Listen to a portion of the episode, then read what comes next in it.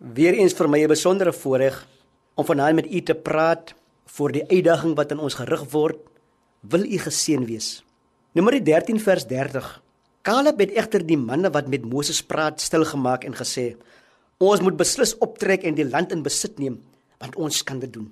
Onder die leierskap van Moses het die mense van Israel magtige wonderwerke sien gebeur in die land van Egipte. Hulle kom uit die land van verdrukking en deurkruis die Rooi See deur 'n magtige oorwinning. Ons het die land ingekom waarin U ons gestuur het. Maar die mense wat in die land woon, is sterk en die stede is versterk en baie groot. Die belofte is dat hulle uit Egipte sal kom en die beloofde land sal betree wat oorloop van melk en honing.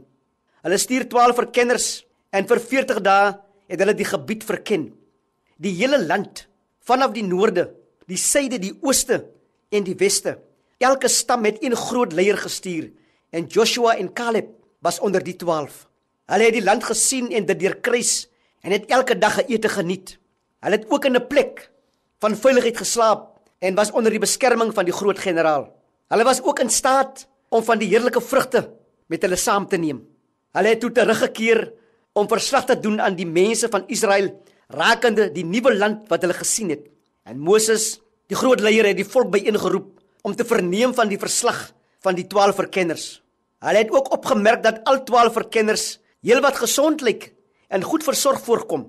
Hulle het die geweldige stories gehoor rakende die nuwe land, die beloofde land.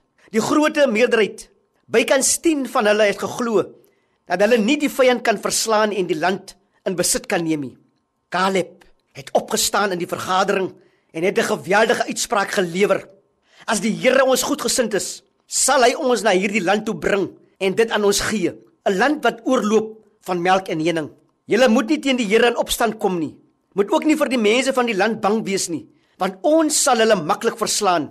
Hulle gode sal hulle nie beskerm nie, want die Here is by ons. Moenie vir hulle bang wees nie. Die Here het Caleb se dapperheid besing.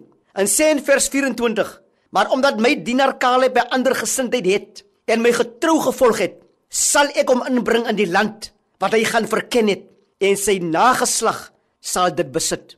Liewe luisteraar, geloof is oorwinning.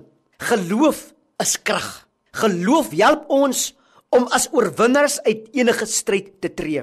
Die vraag is egter vanaand, wil u 'n geseënde lewe lei? Geloof help ons om 'n geseënde lewe te lei. Mag die Here ons help dat ons die geweldige geloof wat Caleb gehad het, ook te koester en daarvolgens sal lewe. Die Here seën u. Amen.